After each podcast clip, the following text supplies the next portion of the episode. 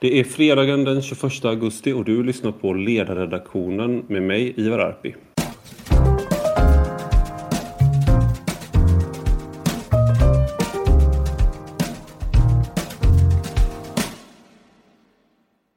Idag ska vi prata med Christian Ryck som är professor i psykiatri och han är aktuell med en bok som heter Olyckliga i paradiset. Varför mår vi så dåligt när allt är så bra? Välkommen Christian! Tack så mycket! Och du har skrivit en debattartikel som har blivit väldigt uppmärksammad idag också på, på DNs eh, debattsida eh, där du skriver att vi måste sluta prata om psykisk ohälsa. Och om man bara går på eh, så att säga om man bara tänker att det är en provo provokation så blir folk, jag har sett en del som har blivit provocerade av det här att nej vi ska inte prata mindre om psykisk ohälsa, vi måste prata mer om psykisk ohälsa, vad är det här?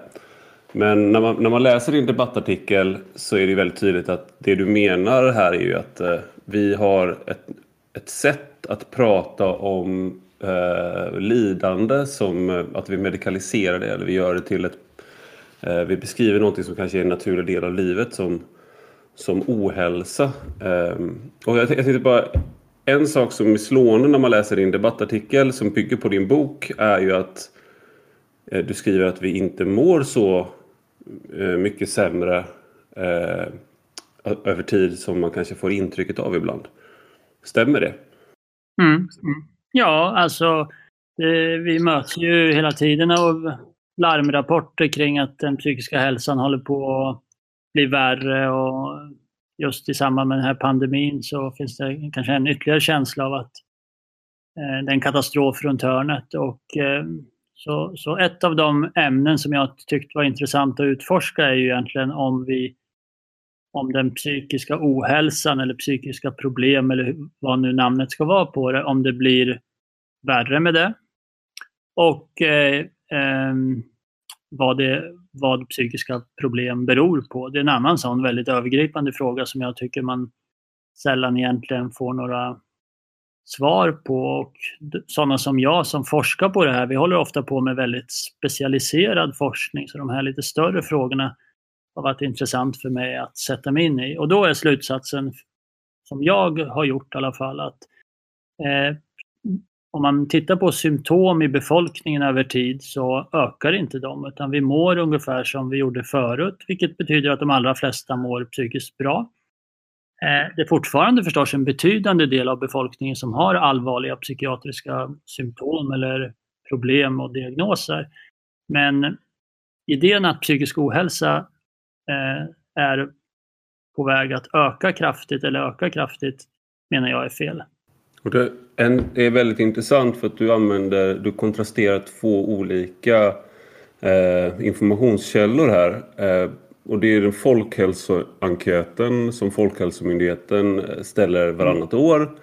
Och där så, så, skriver du, där eh, är det mellan 2004 och 2018 så har ned, människor som lider av, som anger att de har nedsatt psykiskt välmående legat på mellan 12 till 17 procent. Mm. Eh, och att även sömnbesvär, ängslan, oro och ångest har också legat stabilt under de här åren. Ja. Och samtidigt så skriver du lite senare i texten då och som, som vi också har sett väldigt mycket om i, i media att förskrivningen av antidepressiva mm. eh, har mm. ökat och då tar du upp att eh, um, du, du, tar upp att det har ökat där och sen tar du också upp att um, eh, sjukskrivningar, sjukskrivningar 2019 som beror på psykiatrisk diagnos ligger på 48 procent av alla sjukskrivningar eh, 2019. Och för 20 år sedan prick så var det 19 procent. Så det är, det är två det, det är två olika bilder som de här två mm. olika informations... Mm. Kan man säga. Men, men eh, och, och hur, hur, kan man förklara det där då? Ja, det är just det som är intressant tänker jag mig att eh, Måendet är relativt stabilt över tid men eh, allt fler, allt, allt större del av lidandet, om man får använda ett så ålderdomligt ord, eh, förklaras av eh, en sjukdomsmodell, alltså en diagnos. För det är otvetydigt att antalet personer med diagnoser ökar, antalet personer som får en medicinsk eller psykologisk behandling ökar. Eh, vi har en extremt hög del av sjukskrivningar som är på en psykiatrisk diagnos. Så, så det är otvetydigt så. Men den bakomliggande förklaringen är inte att vi mår allt sämre. Utan eh, den bakomliggande förklaringen är mycket mer komplicerad än så. Eh, och eh, då får man säga då att det är ju såklart eh, en fantastisk liksom, ett civilisatoriskt framsteg att en, del, en stor del av lidandet kan förklaras med diagnoser och få behandlingar och den assistans människor behöver. Men det jag flaggar för lite grann är ju att en, eh, det finns en risk att, att man plötsligt menar att allt lidande, all, all leda, alla negativa känslor skulle vara felaktiga eller onormala, oacceptabla och borde få en åtgärd. Att det alltså kan bli, det är någon slags glidning i, eller en gräns man drar. Och nästan alla diagnoser är rätt så svåra att dra den gränsen. Vad är exakt eh, normal nedstämdhet och vad är sjuklig nedstämdhet? Vad är, vad är, vad är liksom sjukligt dålig uppmärksamhet och normal och så vidare. Så att det går att förstå att de här gränserna flyttas. De flyttas för andra sjukdomar också. Man har till exempel sänkt gränsen för högt blodtryck så 30 miljoner amerikaner vaknade upp en dag som hade högt blodtryck som inte hade högt blodtryck dagen innan och så. Så det här är liksom inte unikt för psykiatriska diagnoser. Eh, en sak som eh, eh, man kan ju se om man följer begrepp över tid så kan man ju också se hur vi, vi, skri, vi pratar om oss själva på nya sätt. Jag vet att eh, Frank Ferreri skrev en bok som kom 2003 som heter Therapy Culture. Och om, om terapikultur. Han med, hans tes var just att vi lever i en terapikultur. Så hade han följt eh, eh, olika, hur man beskrev olika eh, händelser bland annat. Men han också att man hur ofta man använder ordet stress eller trauma och liknande, att det ökade lavinartat eh, under en 20-årsperiod. Och där är vi ju idag också så att säga. Och jag tänker ju att man har ju väldigt... Eh, jag, tänker, jag har kollat en hel del på sådana här superhjältefilmer när jag var yngre särskilt. Och där kan man ju se att Stålmannen, när han var liksom på 50-talet och 60-talet, då var han ju, det var ju inte någon problematisering av, att, eh, av honom som individ. Men när, när man gör nya Stålmannen-filmer då har han ju ett trauma från Krypton, liksom, att han förlorade sina föräldrar och det är så jobbigt att ha så mycket makt och sådär. Det är väldigt, alltså, om bara så rent populärkulturellt så har vi ju väldigt vi, om, det är fult att moralisera över människor, det är något av det fulaste man kan göra. Men att psykologisera och att förlägga eh, mening och, och liksom, som du skriver om då i, i, boken och i debattartikeln att eh, lidandet, att liksom hitta svar där i sin egen känslovärld och liksom att försöka hitta svar där. Det är ju någonting vi håller på med otroligt mycket i, i vår kultur mm. generellt också. Mm. Nu är inte jag superinsatt i superhjältarnas eh, inre ja, det, är, det är mitt expertområde här. Då. Att, eh, I det här exemplet, man kan väl säga att tidigare var ju lidandets mening eh, givet på grund av att Gud var, eh, om man tror på en allsmäktig Gud, då måste ju lidandet vara en del av Guds plan. Man bär sitt kors, det finns en väldigt tydlig eh, liksom, eh, förklaring till lidandet. och så i, i länder eller i kulturer där, där religionen fortfarande har en väldigt stor plats, då, då är ju lidandet i princip förklarat kan man ju säga. Och eh, eh jag, jag, jag, använder i boken min mormors liv som en, eh, som en berättelse genom boken. Då. Hon, eh, hon blev föräldralös när hon var fem år gammal eh, då spanska sjukan tog hennes mammas liv 1920. Och det var intressant att liksom eh, gå igenom. Jag hade en gammal perm hemma med, med, med, saker som hon hade lämnat efter sig när hon dog 96 år gammal. Och då fanns bland annat eh, minnesorden från hen, hennes mamma, alltså kvinnan som dog i spanska sjukans syster, minnesorden då vid begravningen som var 1920. Så det var ju liksom en otrolig resa tillbaka i tiden. Och då kunde man se då att det är klart att människorna då Eh, Eh, då hänvisar hon till den allsmäktige guden men undrar var, varför han tar så många unga människor. Då, då. Eh, så att även om förklaringen i princip är given så är det klart att det är inte ett okomplicerat eh, sak ändå att förstå lidandet. Och sen tänker jag med de här förklaringarna som du är inne på med att eh, eh, superhjältens eh, föräldrar eh, eller det här traumat i barndomen och så, det tänker mig kanske har varit ett ganska framträdande tema under efterkrigstiden när psykoanalysen var väldigt stark.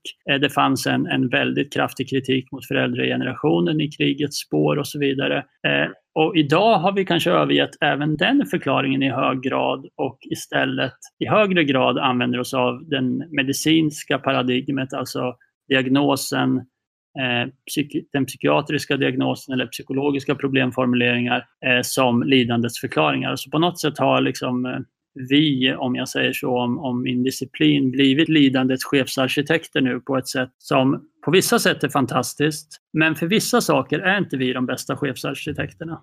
Jag tänker på också att man vissa diagnoser blir många, många av oss känner säkert människor som har diagnoser som de så att säga bär som en del av sin identitet på ett sätt. Att man blir, man blir sin, liksom, inte att man blir sin diagnos fullt ut men att man identifierar sig starkt med till exempel att man har ADHD eller att man har eh, någon annan. Någon, det finns ju några av de här eh, diagnoserna som är på något sätt eh, ger en förklaring till mycket av det man upplever och mycket av hur man ser på världen och saker man... Så, här, och då, och, så det är väldigt förståeligt varför, man, varför det, det känns rimligt. Samtidigt som... Eh, och det där kan jag tänka är liksom en... Eh, du tar ju upp det där att man har, och det tog, tog du upp nu också med allsmäktige guden, att det blir som en, en ersättning då för att för, sätta, sätta om, om lidandet i en religiös kontext kan ha sin förklaring Även om man även där har brottats med med teodicé-problemet att varför skulle en, en god gud utsätta oss alla för det här till exempel. Men, men då har man i alla fall kunnat kontextualisera det och förstå sin egen roll i det här. Och, eh, men om du tar bort den berättelsen så kanske vi ändå har kvar behovet av en berättelse om varför mm. det känns som det känns. Eh, och ja. då kan de diagnoserna komma där till exempel. Att aha, jag har ADHD. Det är därför jag alla de här upplevelserna jag hade i skolan eller de här problemen jag haft i arbetslivet eller i mina relationer eller med droger eller någonting. Eh, det hade med det att göra. Och så har man äntligen en samlande berättelse. Eh, och du tar ju upp en annan aspekt eh, som jag tyckte var... Men, får jag ja, kommentera den? Kan man säga. Mm. Ja. I, I ditt exempel med ADHD kan man säga att det är ju det är ju såklart så att det kan ju vara, det är ju ofta en oerhört bra förklaring till svårigheterna som dessutom det finns en medicinsk behandling till som kan ta bort svårigheterna. Så på något sätt kan man säga att det exemplet kanske förtydligar lite varför den här modellen är så oerhört framgångsrik. För du får inte mm. bara en förklaring utan i vissa fall en åtgärd som inom en halvtimme kan visa om, eh, om åtgärden kommer funka eller inte. Alltså det, det är en väldigt kraftfull modell. Så att eh, och det med, med åt, åtgärden, åtgärden är då um, Concerta, alltså medicin? Ja, till exempel som, centralstimulerande ja, medicinering. Ja. Och, och, och då, då, tänker jag bara att det, det, det är ju inte... Eh, den medicinska modellen, alltså att, att diagnostisera och så, är ju en oerhört kraftfull och effektiv modell. Det, det får man inte glömma. Va? Den är väldigt bra på många saker. Det är därför den är populär. Mm. Men svårigheten kan bli när, när man tillämpar samma principer på saker där nyttan är mycket mindre. Alltså man är, för att uttrycka det väldigt enkelt, inte riktigt så sjuk så att eh, nyttan blir uppenbar. Utan man kanske har problem i livet som man skulle kunna hantera på andra sätt. Till exempel att få hjälp att försöka lösa de problemen som tynger en. Och då, mm. då tror jag i vissa sådana fall kan, kan det bli ett hinder då om man istället sätts in på antidepressiva under föreställningen att man har en depression. Typ man, du, du, man kanske inte är deprimerad, man kanske behöver byta jobb. Eller, ja, eh, sådana saker. Precis. Ja. Eller andra komplicerade problem. Mm. Mm. Jag tänkte också med det, det var du inne på nu med Concerta och Ritalin och vad de nu heter, alla de här medicinerna som hjälper människor som har ADHD.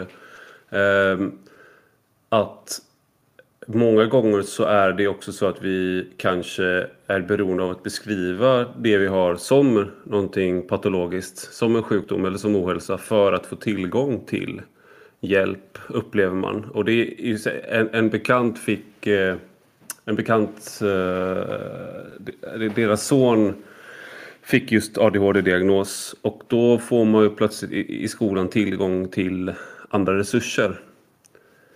Så det finns ju också en, en, en, liksom en incitamentstruktur här på något sätt. Mm. Mm. Eh, alltså, absolut, och jag har faktiskt en, en, en lång del i boken som handlar om eh, autismen framförallt. Eh, autismens historia i Sverige. Det, det, är ju en diagnos, precis som ADHD, som har gått ifrån mycket, mycket sällsynt till extremt vanlig. Eh, och ehm, eh, just sådana här vad man kan säga, kontextuella faktorer, alltså omgivningsfaktorer.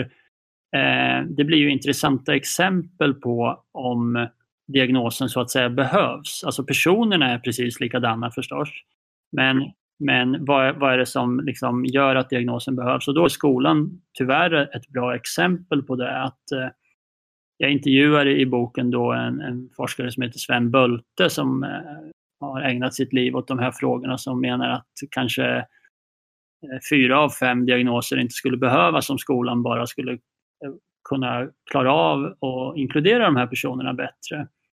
Eh, och då, då är det förstås olyckligt att, att trots att skollagen inte alls är tänkt eller är skriven så att i praktiken är det rätt så mycket så att diagnosen blir nyckeln för att få den hjälp du behöver istället för att man får den hjälp man behöver på grundval av sina problem och inte en diagnostisk eh, en diagnos. Så att eh, det är klart att det går att identifiera sådana mekanismer som driver en, en diagnosutveckling. Det tänkte jag bara, eh, hoppar jag lite här, men eh, någonting som du tar upp eh, är, som jag inte visste innan jag, jag såg att du skrev det, det är att eh, utmattningssyndrom, den diagnosen är unik för Sverige.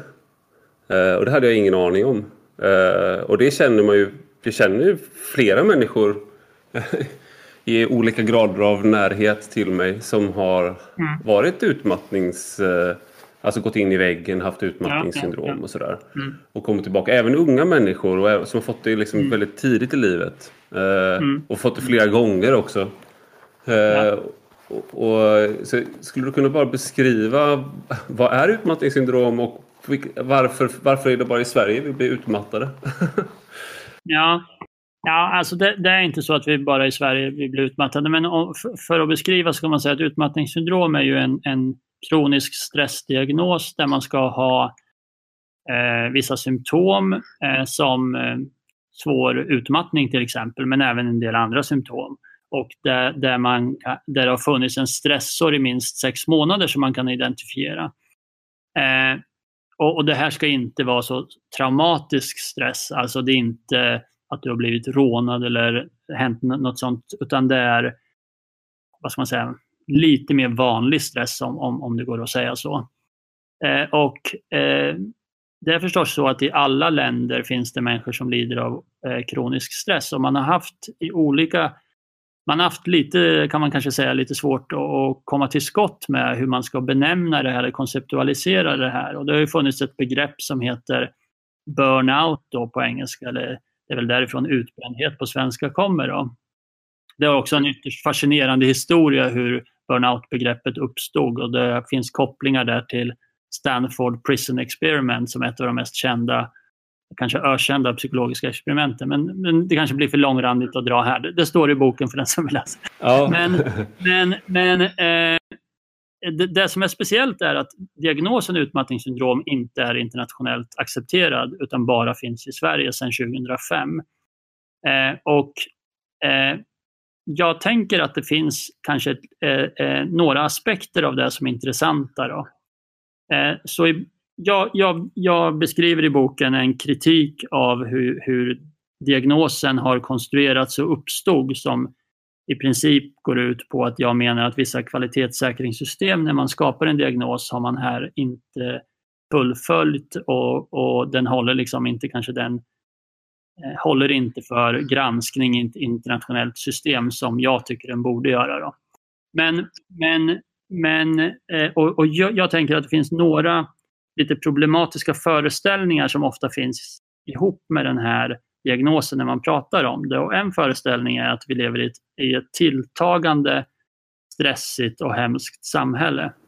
Mm. Gör vi inte det? Eh, ja, alltså det är kanske upp till var och en att bedöma hur man själv tycker. Men om man, eh, det, det, är väldigt intressant att läsa om stressens historia. Att I säkert 150 år har man haft föreställningen om att det blir allt stressigare. 1800-talet mm. kallades ju the age of stress. och eh, i, på 1860-talet i USA så myntades ju ett tillstånd som liknar utmattningssyndrom väldigt mycket som heter neurasteni.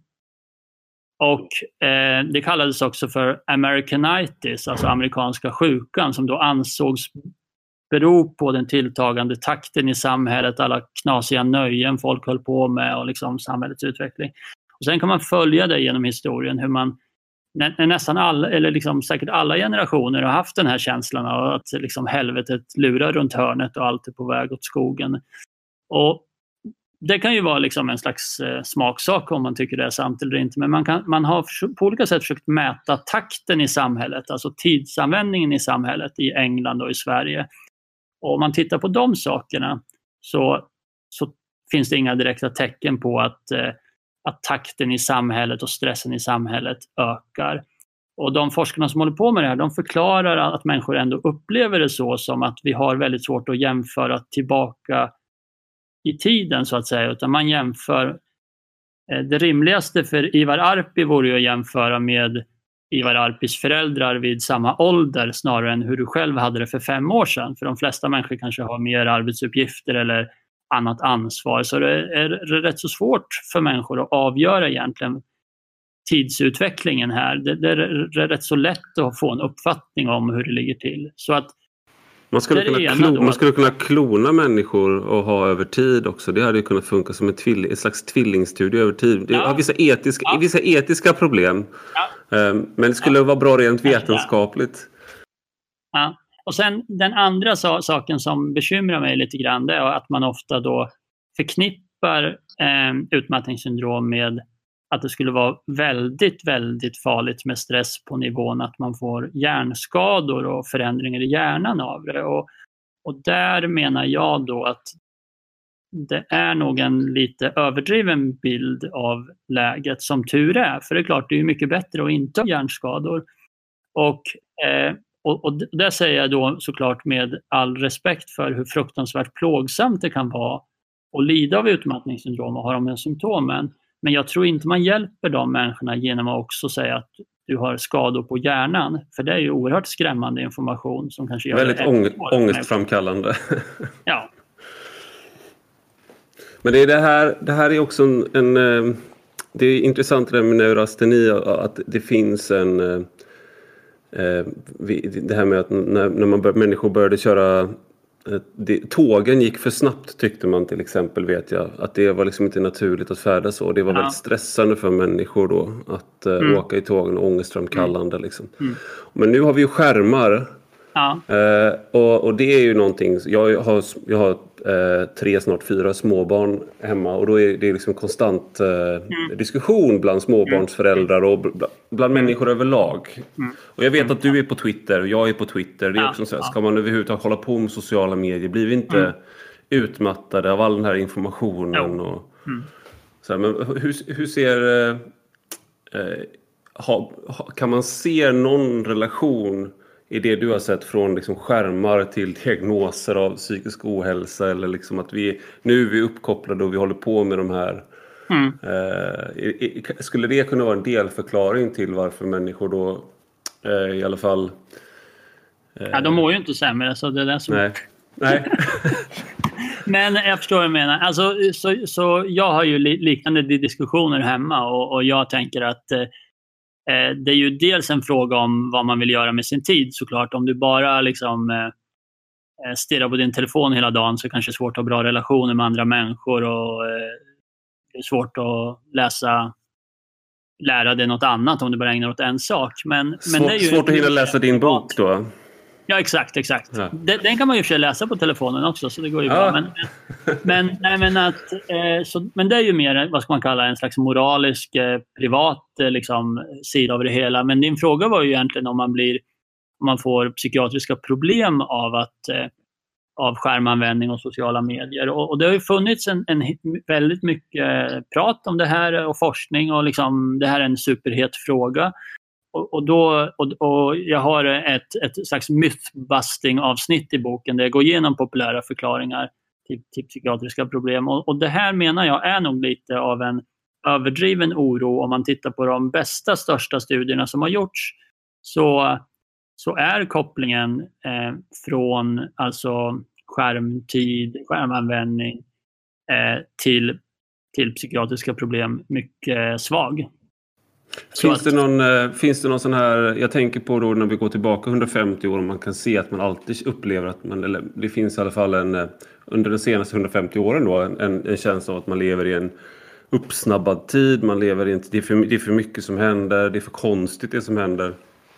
Och att skärmar blir liksom en av de senaste, skärmar, sociala medier och liknande blir så att säga det senaste beviset på att vi, eh, vi vill liksom hela tiden hitta den här orsaken till varför det känns som det känns. Och så, eller varför det blir som det blir och att varför vi blir, har ångest, känner oss stressade och liknande. Och då är det ofta teknologin som den ser ut nu eller det är någonting med arbetslivet, det är någonting som är unikt just för vår är, är, det är nästan så att det känns som att man har någon, eh, man är programmerad, många av oss i alla fall, programmerade till att tycka att vi jag tänker ofta på den här titeln bara på Freuds eh, essä när vi vantrivs i kulturen. Ja, inte mm. innehållet egentligen men bara som rubrik. Liksom, att det mm. finns en sån känsla i varje generation på något sätt. Att det är så här illa har det väl ändå inte varit.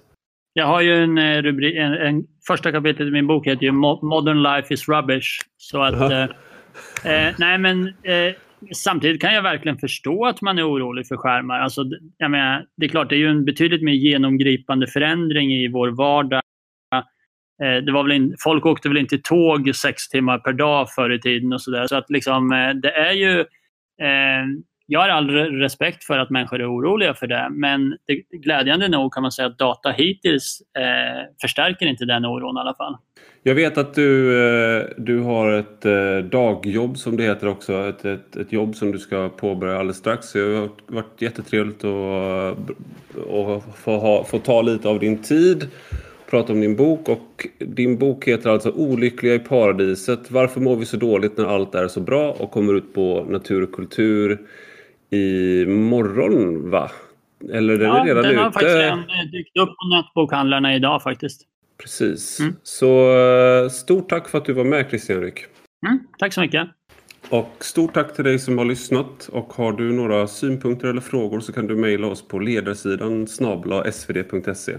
Tack och hej!